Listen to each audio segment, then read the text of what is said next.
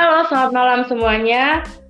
Selamat datang di podcast perdana kita, yaitu podcast yang menceritakan dan menjelaskan tentang sosiologi komunikasi. Pada kesempatan kali ini, aku, Jasa Bila Putri Firja, mahasiswa ilmu komunikasi Universitas Widya Mataram Yogyakarta, beserta teman-temanku bakal membahas uh, ini sebenarnya ujian sih, ujian tengah semester kita ya tentang sosiologi komunikasi, yaitu mengenai kerusakan alam yang berbasis ekologi. Namun sebelum itu dimulai, izinin aku buat kenalin teman-temanku nih. Di sini udah ada hmm, berapa orang ya? Empat atau lima sih? Langsung aja ya. Aku aku sapa dulu satu persatu dari Halo Kak Imat. Halo guys. Gimana kabarnya Kak Imas? Alhamdulillah baik. Oke, selanjutnya ada Mas Ivan. Halo Mas Ivan. Halo guys. Gimana nih Mas Ivan kabarnya? Alhamdulillah saya. Oke. Selanjutnya ada juga dari sobat kita jauh banget nih, yaitu dari Lampung. Ada Mas Adiansa. Halo Mas Adiansa, gimana kabarmu Mas? Halo semuanya. Alhamdulillah baik nih. Oke, baik juga ya. Dan terakhir ada teman kita dari Lamongan. Wile. Ini dia si Mas Aap. Halo Mas Aap. Hai, hai, hai, hai, hai. Lucu ya Mas Aap ya. Mas Aap udah udah makan belum? Udah barusan. Oke, Cuman Mas emang Aap. agak nggak enak badan aja sih. Oh alah, sakit apa agak Mas Aap? lemes. Enggak, Hmm. enggak sakit, lemes aja. Oke, kita lanjut ya Mas Aap ya. Nah, setelah Oke, Abil. Siap. Setelah perkenalan ini selesai, aku di sini sebagai moderator nih teman-teman. Nah, sedangkan kalian nanti yang bakal diskusi bareng aku ya. Sebelum dimulai, izinin aku buat angkat sedikit materinya biar lebih paham nih apa sih itu sosiologi lingkungan atau ekologi. Lanjut. Nah, menurut Michel Bert, tahun 1994, dia menjelaskan tentang sosiologi lingkungan, di mana eh, ia berbicara bahwa sosiologi lingkungan merupakan kajian komunitas dalam arti yang sangat luas, di mana arti yang sangat luas itu di dalamnya ada manusia, binatang, lahan, tanaman yang tumbuh di atasnya, air, dan udara yang punya hubungan erat atau saling berkaitan di dalamnya, membentuk suatu solidaritas atau disebut dengan ekologi. Sosiologi lingkungan mengkaji hal tersebut untuk memahami asal-usul solusi yang diusulkan dari seluruh konflik sosial dan biofisik yang sangat nyata. Nah, di dalam hal ini ekologi itu sering digambarkan sebagai kajian komuni- komunitas alamnya. Nah, tapi sedangkan kalau sosiologi itu digambarkan sebagai kajian komunitas manusianya. Jadi kalau sosiologi ekologi itu gabungan dari semuanya yang mendukung seluruh kehidupan aspek di muka bumi ini. Terus, seperti halnya dalam sebuah komunitas nih teman-teman, mereka pasti kan mengalami banyak konflik di tengah-tengah hubungan tersebut. Nah, konfliknya itu tuh disebut sebagai masalah lingkungan, tapi masalah lingkungan juga gak hanya soal masalah teknologi, industri, ekologi, biologi, pengendalian solusi, dan pencegahan polusi aja nih teman-teman. Tapi masalah lingkungan juga bisa berupa masalah sosial. Masalah sosial tuh apa sih? Maksud aku masalah lingkungan tuh apa sih? Jadi gini teman-teman, masalah lingkungan tuh adalah masalah bagi masyarakat yang dengan mengancam pola-pola organisasi sosial yang ada di dalam masyarakat itu sendiri, di mana manusia itu yang menciptakan masalah, tapi terus cari jalan keluarnya. Nah, berangkat dari hal ini, kita tuh butuh banget nih kehadiran teori sosiologi lingkungan yang bisa uh, menjawab pertanyaan-pertanyaan kenapa peristiwa itu tuh ada di, di dunia ini ataupun di muka bumi ini. Nah, sekarang aku mau tanya nih, menurut kalian sendiri pandangan kalian terhadap uh, sosiologi lingkungan tuh gimana sih? Coba aku mau tanya ke Imas deh. Coba Imas jelasin. Kalau menurut aku, sosiolo sosiologi adalah hubungan antara manusia dengan lingkungan. Seperti halnya manusia yang membutuhkan apa yang berada di lingkungan seperti air, tanah, tanaman, terus ikan di laut. Itu kan bisa menjadi bahan-bahan kebutuhan dan juga tempat tinggal untuk manusia. Jadi seperti halnya tadi kata Abil, mereka semua itu saling berkaitan gitu. Nah, bener sih. Jadi kamu tuh nangkepnya kalau sosial lingkungan tuh semua itu kayak rantai makanan ya, jadi kayak berkaitan banget gitu ya. Iya, jadi kayak kita makan ikan, kan makan bekas kita gitu. Hmm, jadi nah. kayak saling berkaitan aja gitu semuanya. Banget. Coba kalau dari Mas Ivan sendiri gimana Mas Ivan? Eh, kalau menurutku tuh sosiologi merupakan hal-hal yang ada di dalam apa dari ekologi lingkungan. Nah, sedangkan ekologi lingkungan itu sebagai wadah yang mencakup hal-hal yang ada di dalam seperti manusia, binatang, tanaman yang saling ketergantungan. Oh gitu ya, ya sih benar juga ya. Jadi kayak intinya Mas Ivan itu kalau sosiologi itu ibaratnya uh, man- manusianya ya, apa namanya? Sorry, uh, wadahnya. Kalau ekologi itu hal-hal yang ada dalamnya, benar nggak? Oke, bagus banget. Nah, kalau menurut pandangannya Mas Aap sendiri gimana, Mas? Yang apa itu, Bill? Yang sosiologi lingkungan, pandangan Mas, pengertian secara Mas paham gitu tuh. Hmm, kalau sosial sosial ekologi lingkungan ya. Iya. Kalau sosiologi ekologi lingkungan itu kalau menurut aku eh kayak budaya-budaya sih. Budaya-budaya manusia dalam suatu lingkungan itu tadi. Oke, budaya. Uh, menarik banget nih ya, budaya di dalamnya. Oke, makasih loh Mas Aap. Eh, terus budayanya Mas sendiri maksudnya gimana tuh dalam arti budaya itu sendiri? Budaya kan bisa budaya itu kan ada yang dibentuk dan ada yang ya dibentuk sih, semuanya dibentuk sih budaya. Dibentuk dan pasti ada yang namanya modernisasi nih, modernisasi budaya. Seperti budaya membuang sampah, terus budaya menjaga lingkungan kayak gitu-gitu sih. Oke, berarti Mas Aap ini mengartikan sosiologi lingkungan tuh bahwa ininya ya lebih ke tindakannya ya. Budaya kan Iya. berarti kita- Nah, mantap sih, bagus banget. Oke, sekarang aku mau tanya mengulik lagi sekali lagi tentang hal ini kepada Mas Adiansa. Coba Mas Adiansa, gimana nih menurut Mas tentang sosiologi lingkungan? Nah, kalau menurut aku sendiri, sosiologi lingkungan itu adalah yang memusatkan kajiannya pada ketertarikan antara perilaku sosial manusia dengan lingkungannya. Kurang lebih seperti itu, Bill. Oh, jadi sih mantep banget ya. Jadi semua pemikiran kita itu nyatu gitu ya guys. Kalau aku simpulin dari dari tahap yang pertama ini bahwa sosiologi itu lingkungan sendiri itu merupakan apa ya aspek yang mendasari semuanya dan ia juga ada wadahnya gitu ya. Jadi semuanya saling berkaitan di dalamnya. Benar ya teman-teman ya? Benar Yo, banget. eh. Oke.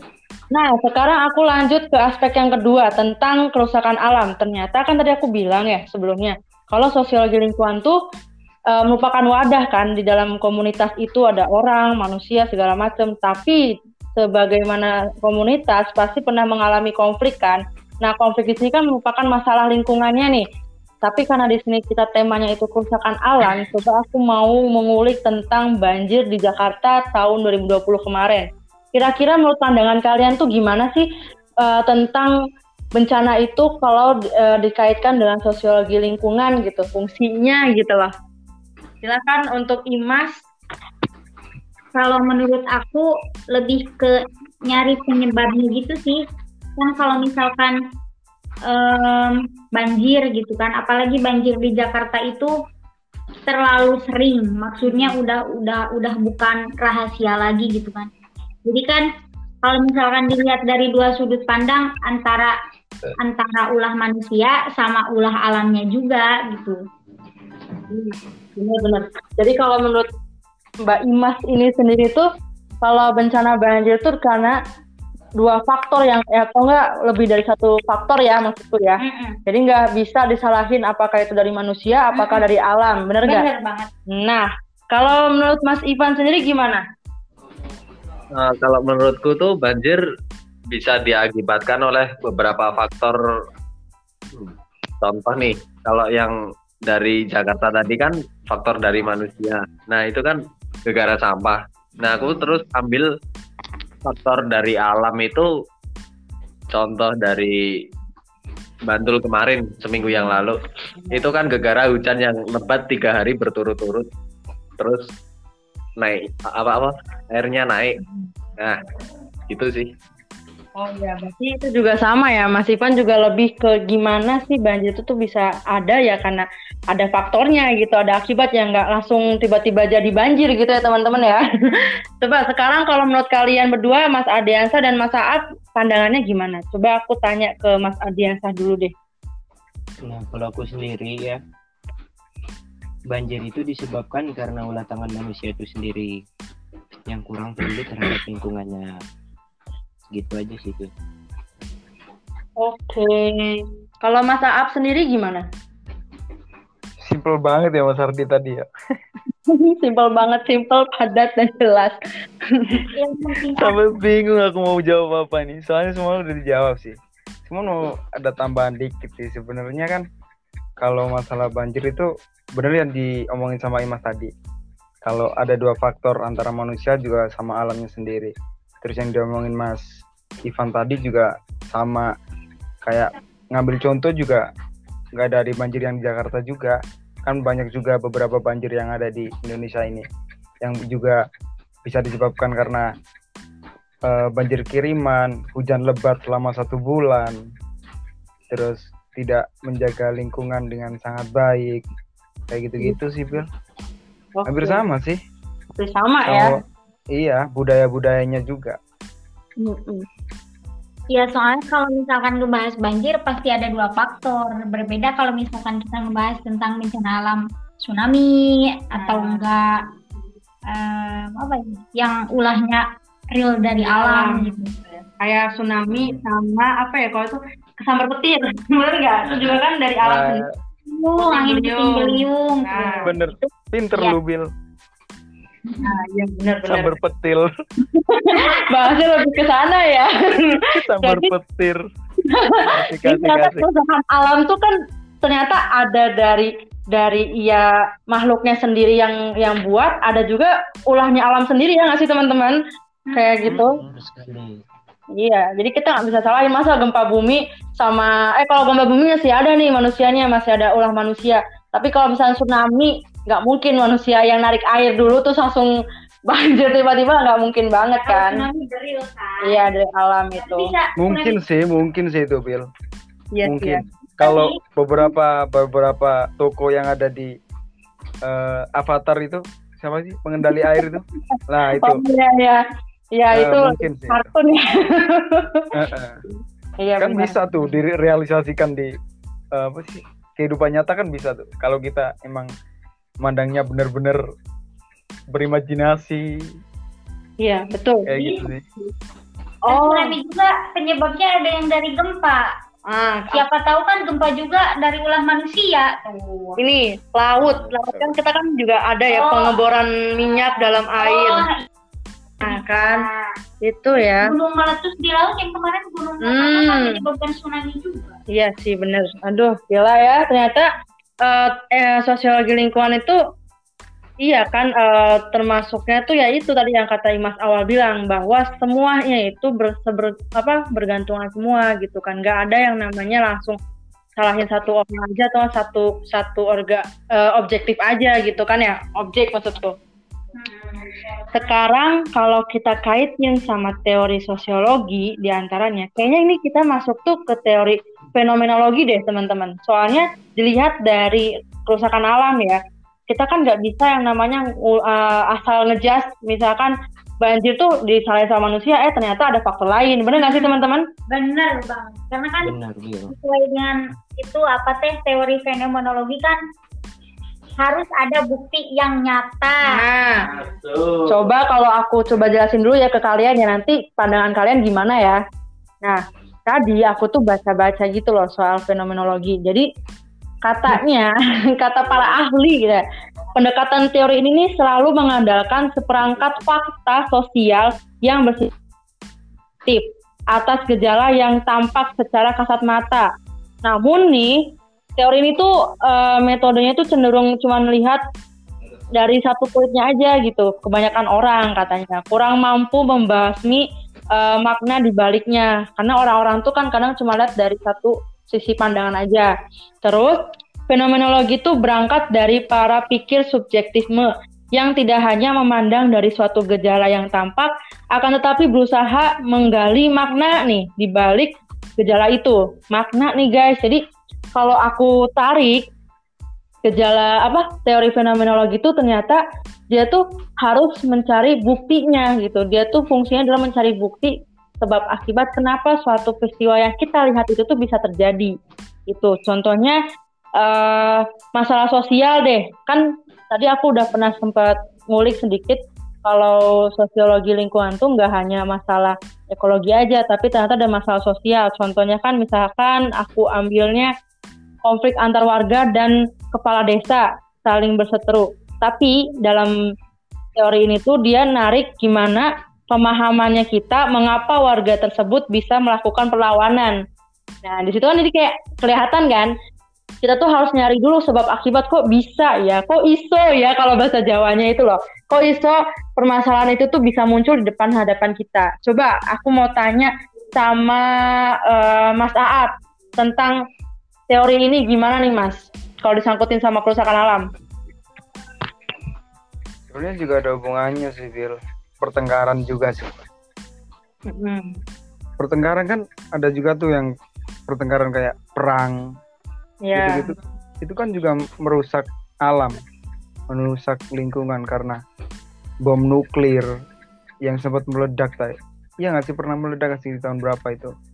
Itu kan menghabiskan uh, eh, menghabiskan membunuh beberapa nyawa yang termasuk itu hewan juga membunuh nyawa manusia nyawa tumbuh-tumbuhan dan merusak kesuburan tanah kalau nggak salah. Nah gitu benar sih ya jadi ibaratnya dalam teori ini tuh kayak nih loh gue tuh mau ngasih tahu mau ngasih tahu cara penyelesaiannya tuh kayak gini kita nggak boleh saling nyalahin gitu ya. Harus tahu dulu akarnya apa gitu ya mas ya? Iya sih Bir. Hmm coba kalau yang lain gimana nih? Uh, Imas oke okay, Imas gimana? Masuk nih ya. Jadi um, seperti tadi kata Abi gitu kata Aab juga jadi benar juga sih. Jadi kayak teori fenomenologi itu kan kayak harus ada bukti yang nyata. Nah, tadi kalau misalkan Abil ngambil contoh yang warga, aku balik lagi ke ngambil contoh yang banjir nih gitu. Kalau misalkan kan banjir itu udah terbukti um, faktornya ada dua dari manusia iya, dari alam iya gitu. Tapi kan kita pasti mandangnya kalau misalnya banjir tuh ah itu mah ulah manusia aja karena buang sampah sembarangan. Padahal kita kan nggak tahu hujan itu di sana udah gak berhenti tiga hari tiga malam tuh misalkan gitu kan. Terus misalkan tembok pembatasnya itu terlalu rendah atau misalkan ada hal-hal lain yang nggak terungkap gitu kan. Jadi membutuhkan bukti yang nyata itu ya harus diulik sampai terbukti gitu. Nggak nggak nyalahin satu objek doang gitu. Wah. Iya mantap sih. Nah kalau menurut Mas Adiansa sendiri gimana Mas soal hal ini? Nah, kalau kerusakan dalam sendiri, kalau dari ke dalam teori fenomenologi adalah gejala atau segala sesuatu yang menampakkan diri. Nah, seperti bencana alam gunung meletus atau bencana alam yang dibuat oleh manusia seperti banjir, tanah longsor, dan lain sebagainya. Gitu aja sih, Bill. Oke. Nah, Mas Ordi. Ya gimana? Mas Ordi. Mas Ordi. Gimana Mas? Gunung meletus itu tengkarnya sama siapa? Mbak Marijan. itu bencana alam sendiri Mas. Oh gitu. Dari alam. Kirain kirain gunungnya apa berantem sama Mbak Marijan gitu. Terus oh, meledak. Ada sangkutnya loh kalau main mistis loh ya, tapi kalau main mistis. mungkin sih ya. Mungkin iya. mungkin. Yang Tapi kayaknya kita nggak nggak bakal bahas di di mistisnya sih kayaknya sih ya. Iya, soalnya kan kita harus cari fakta ya mas ya. Iya bener. Nah, coba kalau mas uh, ini mas Ivan sendiri gimana mandang teori ini terhadap kerusakan alam? Uh, menurutku tuh teori fenomenol teori fenomenologinya tuh lebih ke Fenomenologi. nas kecetet mau elang. Oh, Jadi itu kayak suatu pemikiran yang di mana kita harus tahu sebab akibat dari gejala yang ada. Sama Mas Mbak Imas tadi katakan gitu. Hmm, mantap. Jadi kalau di sini kan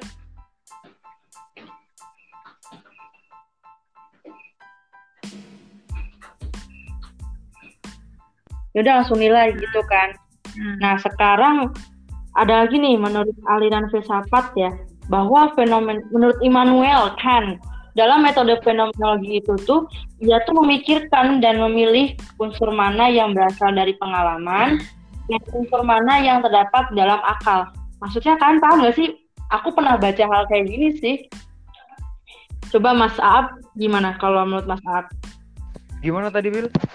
Jadi itu aku baca menurut eh, seorang ahli sosiologi Emmanuel Kant tuh dia ngomong gini dalam metodologi eh, dalam metode fenomenologi itu ia memikirkan dan memilih unsur mana yang berasal dari pengalaman dan unsur mana yang terdapat di dalam akal. Mas paham nggak maksudnya? Unsur mana yang ada dalam pengalaman? Unsur mana yang terdapat di dalam akal? Waduh. Hah, apa itu? Jangan-jangan gini, mungkin dalam artian di sini ya kalau aku lihat mah kan dia kan bilangnya eh, unsur mana yang berasal dari pengalaman berarti apa yang kita rasain apa ya? Apa yang kita rasakan atau yang kita sedang terjadi oleh diri kita dan kita tuh harus bisa bedain tuh mana yang jadi pengalaman, mana yang memang kita tuh pure mikirnya doang gitu tanpa harus lihat bukti yang fakta yang ada. Paham nggak sampai sini? Oh, mungkin gini, Bil. Gimana tuh? Pengalaman kan Ya, suatu hal yang yang suatu hal yang kita kita alami tanpa disengaja. nah mungkin situ Iya sih kan? ya. Iya. Mungkin Jadi mungkin itu kayak sih. eh, jadi kayak fenomenologi itu kayak eh, memilah gitu mana yang memang benar-benar fakta. Faktanya kan berarti berarti kita udah pernah ngalamin dan mana yang cuma asal mikir doang. Ya nggak? Benar nggak? Coba Imas. benar benar benar. Ah, Bener banget, Bil. lebih ke kayak refleksi sih. Benar Apa, benar Dono? benar. Kayak di diri sendiri gitu kan sih. iya. Lebih mengajak kita untuk merefleksi diri sendiri, merasakan alam sekitar. Nah, iya benar mendaki. benar. Kayak gitu nggak sih? Iya, nih soalnya ada nih, ada lagi nih ya. Jadi aku tuh pas lagi baca-baca juga, ternyata setelah itu ada lagi nih ngomongnya kayak gini. Aliran filsafat fenomenologi itu beranjak dari kebenaran fenomena seperti yang tampak apa adanya. Hmm. Nah, suatu fenomena yang tampak itu sebenarnya merupakan refleksi realitas yang tidak berdiri sendiri karena yang tampak tersebut adalah objek yang penuh dengan makna yang harus diulik. Ya, nih bener banget nih Mas Aab, gila sih. Aduh, gila ya Mas Aab. Pemikiran mantap. Enggak sih, itu tadi Ya. eh, ada kayak sinar masuk ke ot- otak gitu. Tiba-tiba. Gede sinar masuk. mantap. Oh, karena lagi gak enak badan, jadi sinarnya ada gitu ya. Eh, eh, mungkin lagi ngayal aja sih.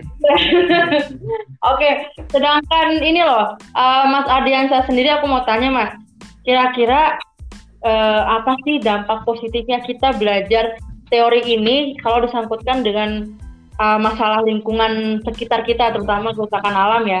Coba dari Mas Ardiansa eh, sama yang Oke. Kalau dampaknya sendiri buat kita sih, kita jadi lebih tahu sih, Bel. Apa itu teori fenomenologi. Dan dampaknya ke kita itu apa gitu. Jadi kita lebih paham gitu tentang teori fenomenologi yang sebelumnya tidak paham. Gitu sih, Oh. Bel. Hmm, kalau menurut Mas sendiri gimana? Benar kata Mas Ardi sih, jadi kita juga lebih paham, lebih bisa memilah mana berita yang benar, Iya. terus juga bisa lebih mencari fakta Nah, yang lebih benar lagi gitu. Jadi Nah, itu dia.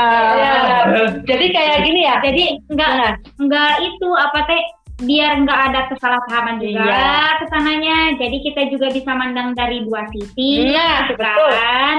Yang paling penting adalah kita nggak bisa ngejudgment suatu permasalahan itu tuh cuman karena satu hal, benar nggak teman-teman? Nah, itu dia. benar Mhm. sekali Alright. Ya, jadi kita paham ya bahwa fenomenologi itu mampu mengungkapkan objek secara meyakinkan meskipun objek tersebut tuh berupa objek yang masih satu pandang yang ya udahlah. Contohnya kayak hal sepele gini, misalkan aku punya crush sama Imas nih. Ternyata aku marah-marah nih ke Mbak Imas, tapi orang mungkin lihatnya wah kayaknya Imas yang salah nih. Tapi kalau misalkan diulik dari teori fenomenologi, kita ambil dari fenomenologi, kita tuh nggak bisa asal ngejudge orang itu salah apa enggak gitu. Kalau kita udah tahu Iya. akarnya kan, eh ternyata salahnya Abil gitu kan. Nah bukan bukan Imas, benar nggak sih teman-teman? Ya, Hmm. Itulah perlunya merefleksikan diri pada suatu Nah. masalah. Banget. Masuk. Nah, tapi menurut Mas Aap sendiri ya, Mas Aap, eh, arti refleksi bagi Mas tuh apa sih? Sepenting apa refleksi mengenai semua hal yang ada di dunia ini? Kalau menurutku sangat penting sih, Bill. Kalau masalah merefleksikan diri pada apa pun, sebenarnya kita kan saling berke apa sih? Berkegantungan apa? Saling bergantung. bergantungan mas Lah, sangat berketergantungan. Ya itulah pokoknya. Saling itu sama semua makhluk yang ada di muka bumi dan alam semesta yang mungkin kita juga nggak tahu. Iya. Jadi Oh, merefleksikan diri itu kan cara bagaimana kita mengenal diri sendiri gitu kan. Kalau Iya. merefleksikan merefleksikan diri sendiri kepada alam, akhirnya kan kita bisa mengenal tuh. Oh ternyata pohon pisang itu bisa bicara ya kayak gitu. Nah, iya masih Kayak gila gitu gitu. Jadi kita tuh kayak eh, bahwa apa yang ada di dunia ini tuh menurut Mas Aap ya, aku aku Hmm. ngambilnya tuh kayak ternyata punya banyak makna gitu loh ya, benar nggak sih Mas? Bener. Kadang Ya. tuh aku aku tuh pernah tuh ngomong sama pohon pisang. Mm-mm. Pohon pisang tuh? ngomong, eh pisang pisang kamu kok nggak berbuah sih? Dia cuma ngangguk ngangguk ngangguk aja. Eh ternyata kena angin. Ya elah gitu. Wah, eh, gila sih ya. Gimana tuh? Nggak lucu Ah. lagi. oh ini nggak nyawak tuh. nah tapi ya eh, bener banget sih kalau kita nggak bisa kadang gini ya kadang seseorang bahkan manusia sendiri ketika ingin mengenal manusia lain aja kita tuh harus tahu dulu makna di dalamnya misalnya contohnya gini, kita ambil ambil hal yang ada di diri kita dulu deh misalkan aku ngobrol sama Mas Aap dalam keadaan Mas Aap itu eh, datar aja. Ya atau nggak memberikan ekspresi yang datar. Mungkin kalau aku nggak bisa mengenal makna dari ekspresi itu aku bakal ngejudge wah ini orangnya cuek banget nih ini orangnya kayaknya gini banget nih. Ternyata kalau aku tahu ini kan arti makna tuh kayak artinya kan. Eh pas taunya oh ternyata pada saat itu juga masa aku situasi hatinya lagi nggak baik-baik aja gitu ya teman-teman ya. Ya, iya.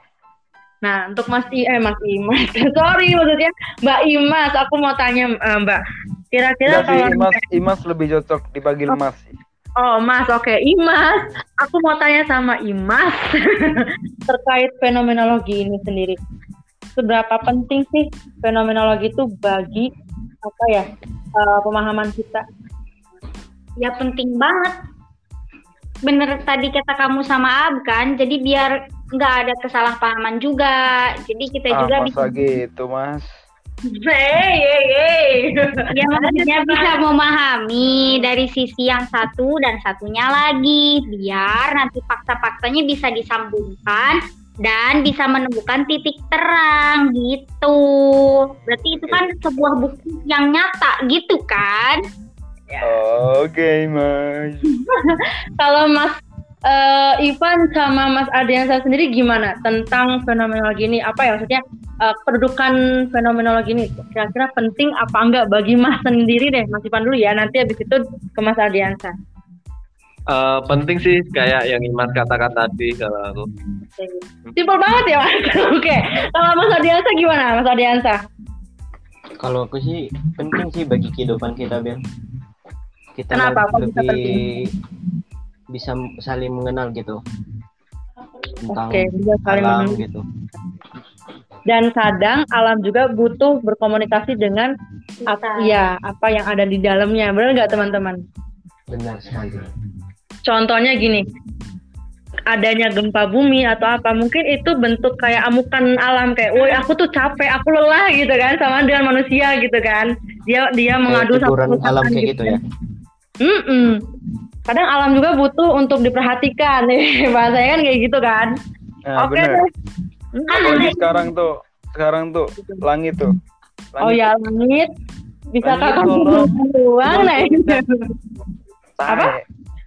Ngeluh nah. udah Mm -mm. Kan langit. ada Kasihan lo langit tuh. Nangis mulu gara-gara temen-temen tuh. Hmm, oke. Okay. Sambatin mulu. Oke deh, mungkin ini udah paling penghujung banget ya. Kira-kira aku bakal langsung simpulin aja deh. Tapi terima kasih banget nih buat pandangan-pandangan kalian terhadap fenomena yang kita sedang ulik ini ya. Ternyata wah gila sih. Obrolan ini tuh benar-benar bikin kita sadar bahwa apa yang ada di sekitar kita tuh jangan sampai kita menjudgment dulu gitu ya. Nah, kalau aku simpulin dari awal sampai akhir bahwa sosiologi lingkungan tuh merupakan wadah yang di dalamnya itu ada beberapa berbagai macam unsur-unsur yang saling berkaitan, berkesinambungan, yang yang saling bergantung ya, tergantungan. Nah, dan dalam di dalamnya juga tuh terdapat adanya konflik. Konfliknya itu nggak hanya berbagai macam konflik sekedar ekologi biologi tapi ternyata ada masalah konflik juga yang berbasis sosial gitu kan. Nah kita kalau dilihat dari teori fenomenologi ini kita tuh di, diharuskan untuk jangan sampai suatu peristiwa yang kita lihat itu langsung kita nilai, langsung kita uh, apa namanya menjas itu tuh salahnya cuma dari satu objek aja, tapi kita harus bisa mengulik semuanya itu secara tuntas dan harus tahu sebab akibatnya, kenapa ini bisa terjadi, apa yang menyebabkan hal ini tuh uh, ada gitu ya teman-teman ya. Itu mungkin kesimpulan dari obrolan kita malam hari ini. Kira-kira gimana teman-teman? Setuju nggak? Setuju bang. Setuju sih Bill. Oke. Okay. Setuju banget. Aku sih, kalau aku sih itu sih lebih kan eh, setuju, setuju sih, setuju. Setuju ya. Yes. Oke, okay. mungkin uh, ini obrolannya udah mau selesai. Aku makasih banget buat teman-teman yang udah mau diskusi bareng sama aku. Uh, dan teman-teman semua semoga dengan adanya podcast ini bisa saling memberikan manfaat dan feedback yang baik untuk kita semua. Amin amin amin. Amin okay, Allah. Tutup ya. Uh, aku Abil, eh salah, Jala Sabila Putri Firza dan Imas. Halo Kak Imas, terima kasih ya Kak Imas. Uh, Mas Aap, makasih Mas Aap udah sama sama sama sama. Hmm, Oke. Okay. Mas Ardian, terima kasih. Terus Mas Ivan juga makasih ya Mas. Kami. Oke, sekian dari kami. Kurang lebih yang mohon maaf. Wassalamualaikum warahmatullahi wabarakatuh. Sampai jumpa di podcast kita selanjutnya. Sampai nanti semuanya. Dadah. Waalaikumsalam warahmatullahi wabarakatuh.